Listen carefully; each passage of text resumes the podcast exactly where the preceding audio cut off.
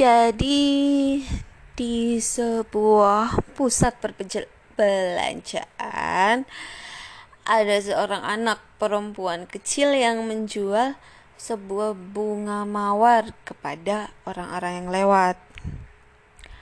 Anak ini biasa berjualan di sana dari siang hingga petang. Dan di suatu saat melewati pusat perbelanjaan, anak kecil itu mendekatiku. Om, mau beli bunga mawar, Om? Bisa buat istri atau pacarnya, Om. Murah kok, 5000 aja, kata si anak itu. Kutolak dengan halus tawaran itu karena aku terburu-buru. Sempat kulihat di keranjang anak itu masih tersisa sekitar 20 tangkai mawar. Dan pada sore harinya aku lewat ke pusat perbelanjaan itu dan melihat si anak kecil itu masih menawarkan bunganya ia menawarkan bunga padaku. Tampaknya lupa siang tadi telah menawarkan bunga. Ku tengok keranjangnya, masih sekitar 14 tangkai mawar. Aku iba dengannya.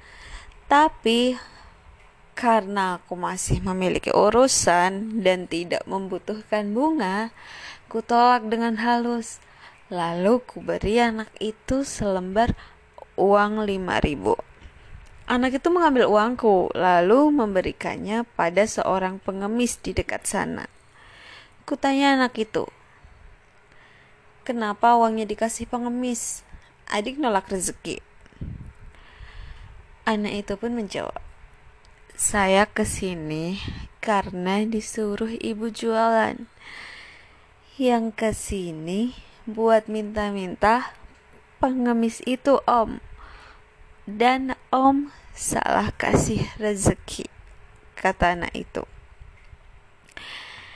jadi menurutku anak perempuan ini adalah contoh yang pantang menyerah ia bahkan lebih memilih rezeki hasil usahanya sendiri nih dibanding uang rasa kasihan orang lain padahal bunga mawar dagangannya masih banyak di keranjangnya dan jika kamu masih sering meminta sesuatu pada orang dengan cuma-cuma, mungkin gadis yang aku ceritakan ini bisa kamu contoh.